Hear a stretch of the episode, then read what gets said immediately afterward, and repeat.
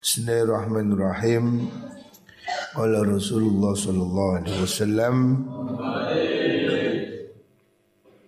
Man gharasa gharsan lam yakul minhu adamiyun wala khalqun min khalqillah illa kana lahu sadaqah Man desa wong iku gharasa nandur sapa man bersan ing tanduran. Siapa orang menanam tanaman apa pun ya. Apalagi itu tanaman buah. Jadi kita ini harus rajin nanam jangan rajin menebang. Hendaknya kita rajin menanam. Apalagi sekarang ini kan musim hujan hari ini kan musim hujan. Ini semua tanaman di Indonesia ini tumbuh jadi kalau kamu habis makan mangga itu bisa ditaruh di tanah ditanam salak, buah, semua tan apa buah-buahan itu hampir tumbuh di Indonesia. Maka biasakan menanam. Hari ini kita nanam kebun di barat sana. Nanti? Hah? Sudah selesai kita nanam di barat ya. Jadi biasakan menanam. Siapa orang menanam ya, menanam tanaman, apalagi itu tanaman yang bisa dimakan ya. Lam yakul mongko ramangan minhu sangking gursan sopo adamiyun an adam wala khalqun dan orang makhluk siji min khalqillahi sangking piro-piro makhluki Allah illa kana angin ono opo mengkono gursun lau kutiman opo sedekotun sedekah Barang siapa menanam tanaman apa pun ya yang bisa dimakan buah-buahan atau ya pokoknya tanaman yang bisa dimakan. Siapa orang menanam makanan, menanam buah-buahan yang dimakan oleh manusia ataupun oleh makhluk lain. Ya dimakan burung, dimakan ulat, dimakan apa codot. Semua tanaman yang bisa dimakan makhluk itu menjadi sodakoh. Jadi kita ini sodakoh dengan tanaman. Makanya biasakan menanam. Ya mangga, apa itu pepaya, apa yang bibit, semua bibit yang bisa ditanam, hendaknya ditanam. Yang terdekat di depan kamar itu sebetulnya saya ingin di depan kamar-kamar itu kasih polybag atau dikasih kresek besar, taruh itu tanam lombok, tanam kangkung, itu saya lihat pinggir jalan saya, saya tanam itu. Kita ini bisa menanam di semua tempat. Dan tidak harus pakai tanah, bisa nanam pakai hidroponik. Nanam di botol kasih air, bisa tumbuh. Kita ini bisa nanam dengan mudah hari ini. Ada sistem hidroponik. Bisa juga cara yang lain. Yang penting harus ada kemauan menanam. Semua yang kita tanam walaupun tidak kita makan, dimakan ulat, dimakan burung, itu menjadi sodakoh ya. Jadi semua kebaikan itu sodakoh. Makanya biasakan nanam kebun-kebun di rumahmu. Banyak tanah-tanah yang masih nganggur. Tanami, tanami duren, tanami apa itu rambutan, tanami sengon ya.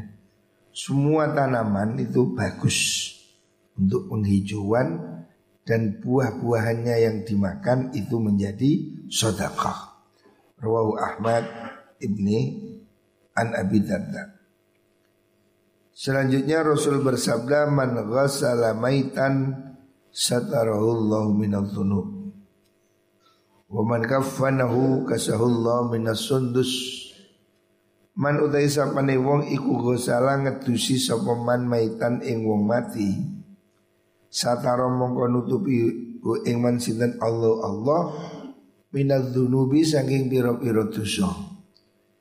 Barang siapa memandikan orang mati Jadi memandikan orang mati ini bukan hanya tugasnya Pak Mutin di desa namanya Pak Mutin.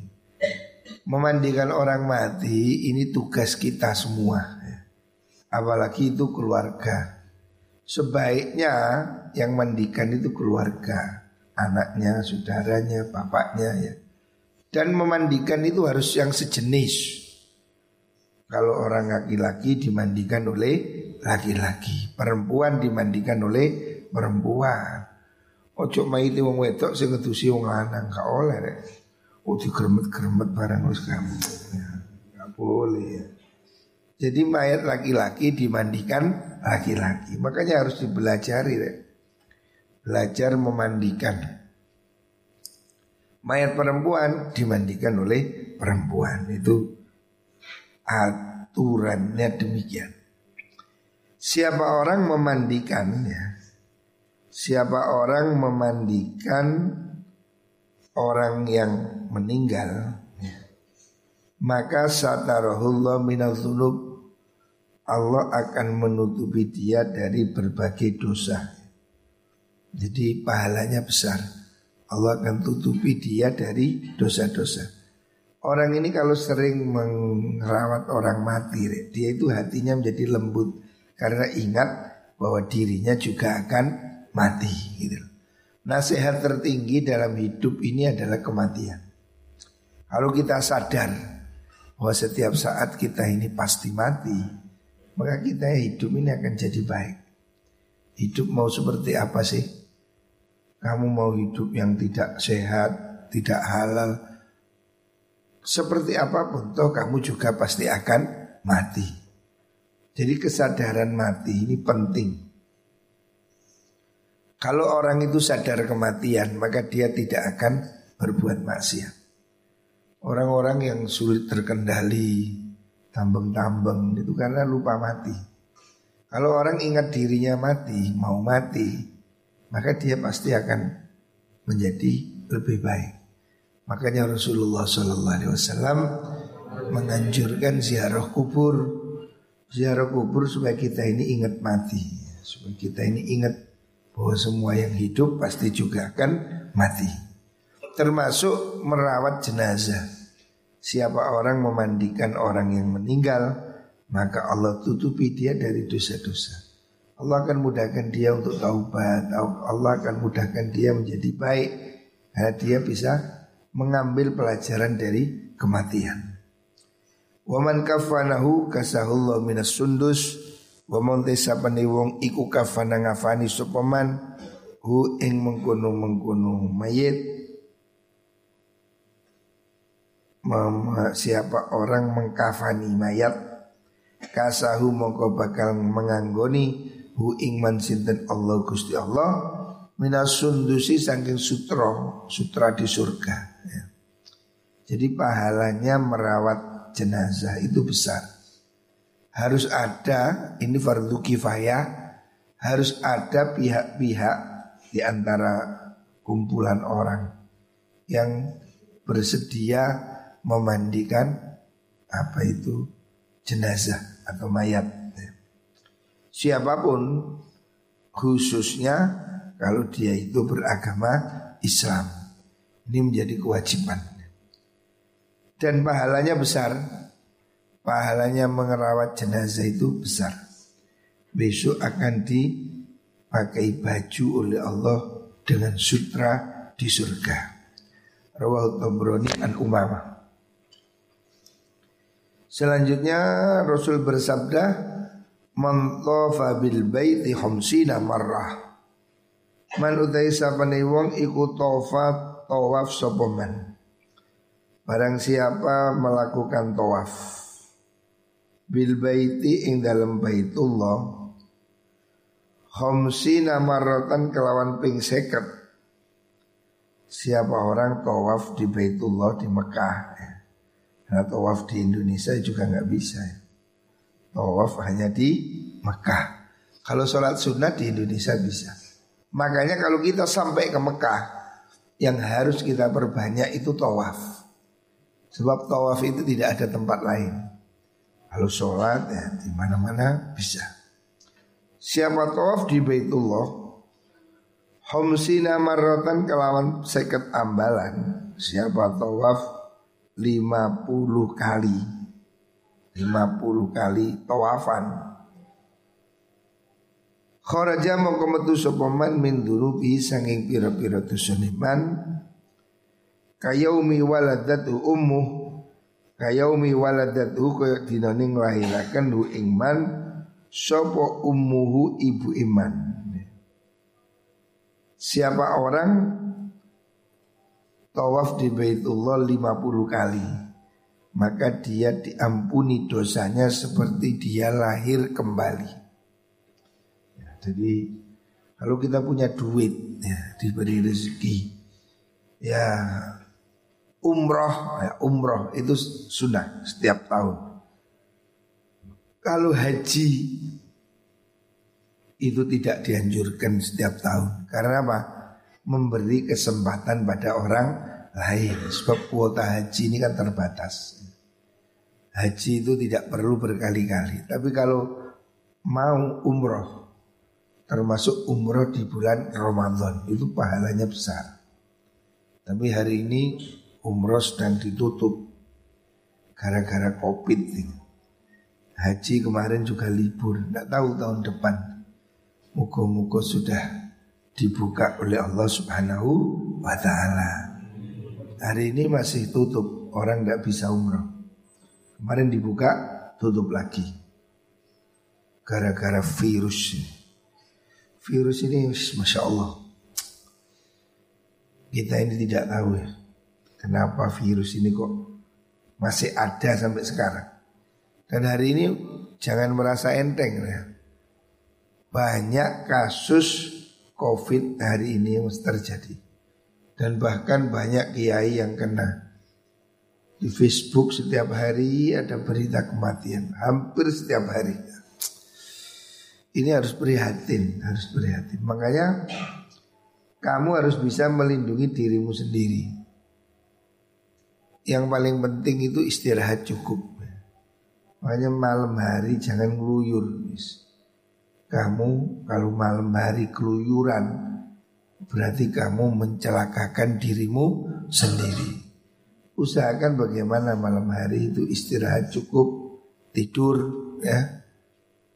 Terus ya ikhtiar jaga kesehatan, minum obat. Ya. Termasuk berjemur. Berjemur itu bagus berjemur itu oleh awan padang jam 10 betul atau sebelum duhur itu duduk-duduk itu di depan situ. Atau apa olahraga silahkan. Berjemur itu juga bagus. Terus juga minum yang panas. Ini salah satu ikhtiar. Kita ini harus jaga diri kita sendiri. Ya muka-muka dilindungi oleh Gusti Allah. Tetapi bahwa kasus ini masih belum selesai. Jangan sembrono, jangan sembrono. Jangan ngeluyur. Minum obat termasuk mencegahnya itu minum probiotik gitu loh. Kita ini alhamdulillah punya minuman probiotik itu bagus sekali. Saya sendiri setiap hari minum itu. Ya ikhtiar ya, kalau ada pakai madu ya. Vitamin C, berusaha melindungi diri kita sendiri. Ya. Ini ku penting. Muka-muka diberi kesehatan. Sebab kalau orang tidak sehat tidak bisa apa-apa. Sholat juga nggak bisa. Ya. Ibadah juga perlu sehat. Bekerja perlu sehat. Makanya yang sakit itu jangan sembrono. Ya. Segera minum obat. Berusaha memperkuat imunitas ya. Termasuk pikirannya sing terang Pikirannya yang padang Jangan sedih, jangan takut ya. Wala Rasulullah sallallahu alaihi wasallam man fattara iman kana lahu mithlu ajri.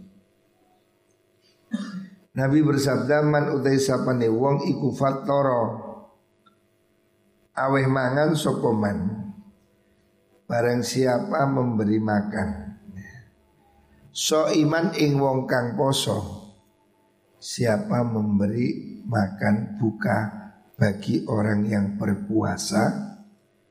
Karena mongko iku lau kudiman apa misru ajrihi padane ganjarane saum.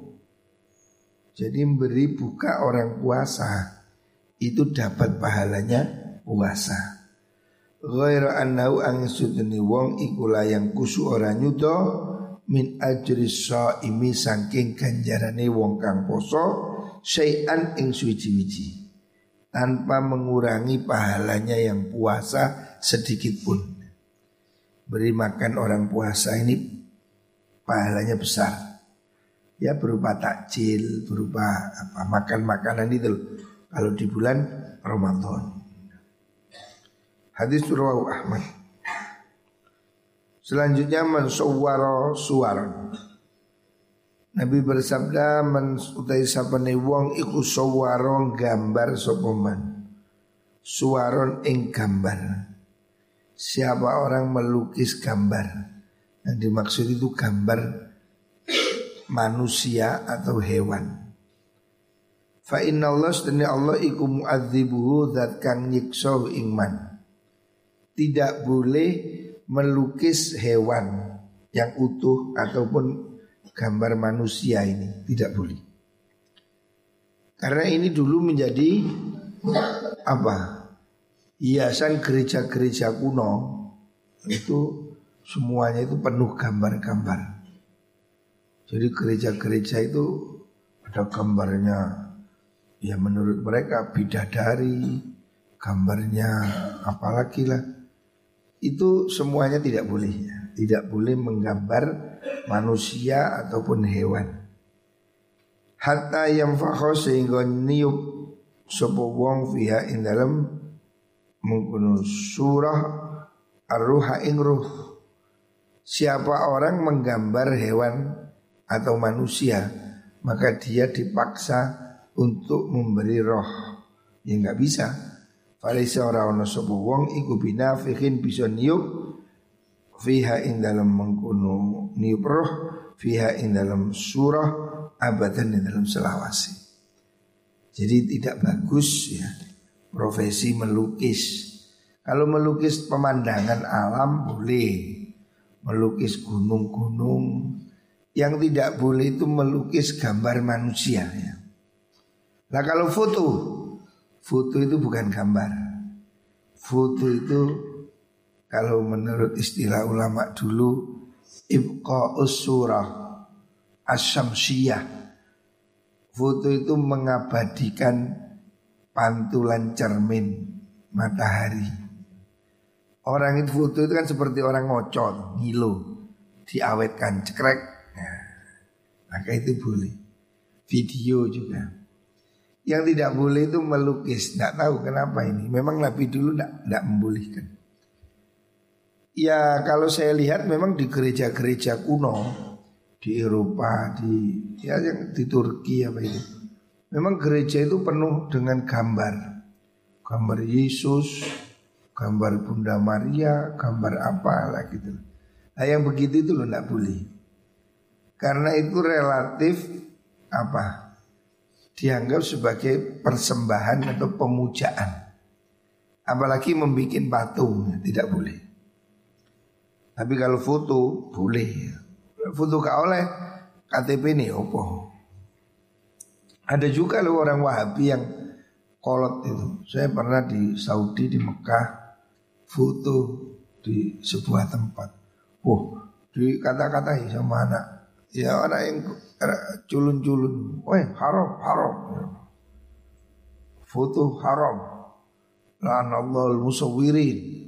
Allah melaknat orang tukang gambar. Saya bilang ini foto duduk gambar tuh.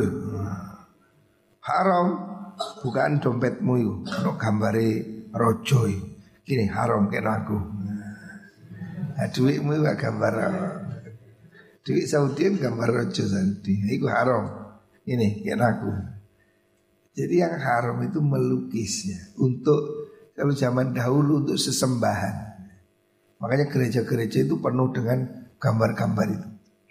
Hampir semua gereja seperti itu. Saya lihat di Inggris, di Eropa itu gereja-gereja itu ada lukisannya Jadi kayak atap-atapnya ini ada gambarnya. Gambar bayi. Mereka menggambarkan apa itu pelayan surga itu bayi yang punya sayap. Jadi di situ ada gambarnya perempuan, laki-laki, bisa ada bayi-bayi terbang gitu. Jadi fantasinya mereka itu pelayan surga itu bayi bisa terbang. Ya ini tak bayi bisa terbang.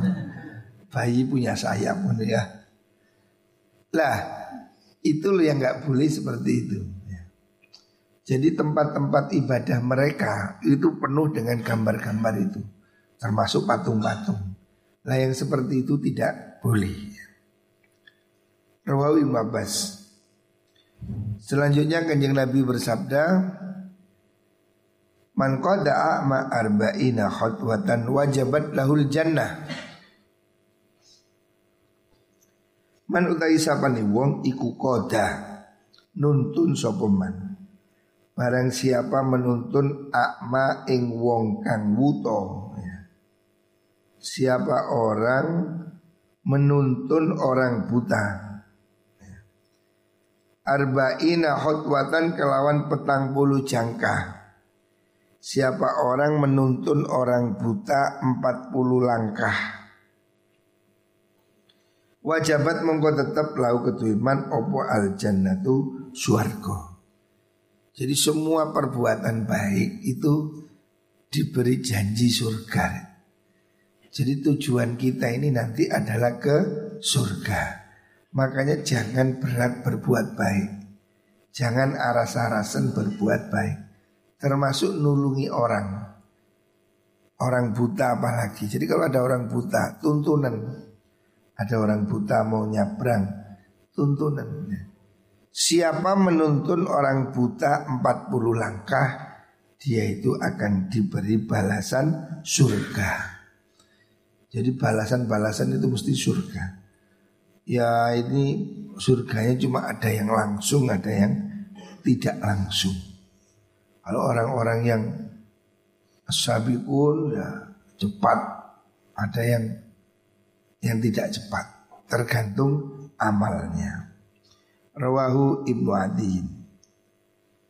Selanjutnya kanjeng Nabi bersabda Man qala subhanallah wa bihamdi Fi kulli yaumin mi'ata marrah Khuttat khotoyah Wa in kanat misla zabadil bahri Man desa pane wong iku kala ngucap sapa man subhanallah wa bihamdi ing lafaz subhanallah wa bihamdi Fi kulli yaumin in dalam saben dina mi'ata marratin kelawan satu ambalan.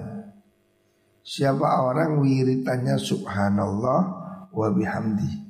Biasanya subhanallahil azim, subhanallah wa bihamdi.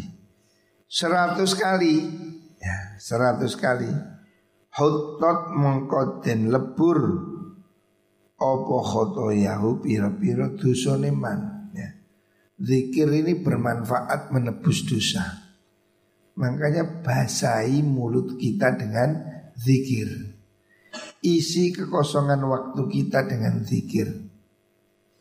Daripada siul Daripada nyanyi yang Apa itu Nyanyi-nyanyi sih gak api-api gitu rek Cucak rowo Tuh buntute Mawana Nyanyi opo Nek mulai saya kira kumbu apa mbok sari jem umpamane.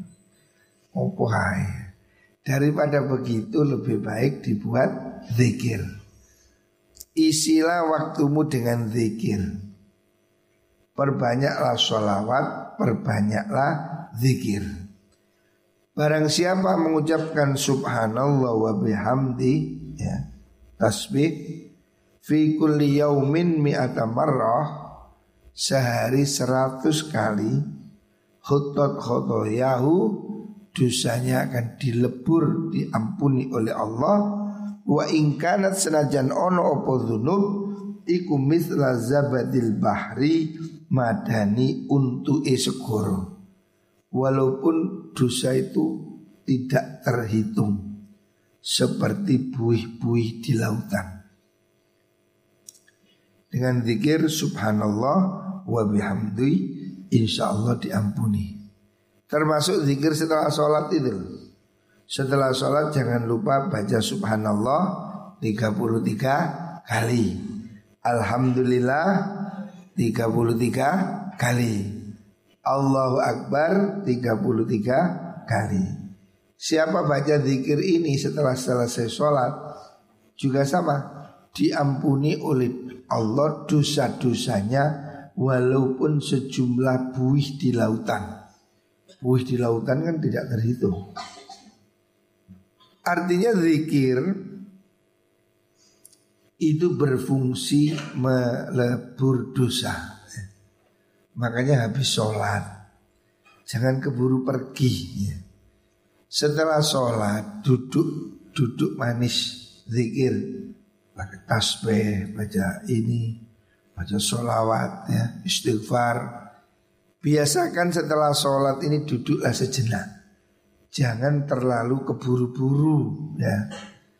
Hidup kita ini kan 24 jam.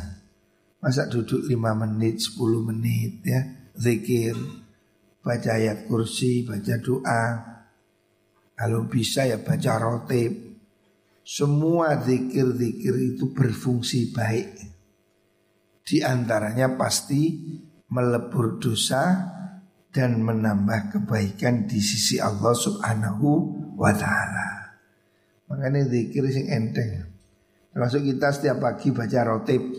Jok turu pagi sore baca rotib. Pokok selama musim pandemi ini kita banyak-banyaklah doa. Sebab tidak ada yang bisa melindungi kecuali Gusti Allah. Salah satu ikhtiar kita ya baca rotib rotibul haddad itu. Setiap hari yang dibaca itu loh. Rotib itu baca. Rotib itu benteng. Jadi rotibul haddad itu salah satu benteng yang bisa melindungi kita. Ya. Dari virus, dari corona ini. Baca ini. Rotibul haddad pagi sore ya. Kita setiap pagi sore baca rotib. Jangan tuh ya. Kita mohon pada Gusti Allah. Muka-muka semua kita, keluarga kita dilindungi Allah Subhanahu wa taala. Muka-muka paling sehat, rezekinya berkah, umurnya juga berkah, ilmunya juga manfaat barokah. Amin Allahumma amin.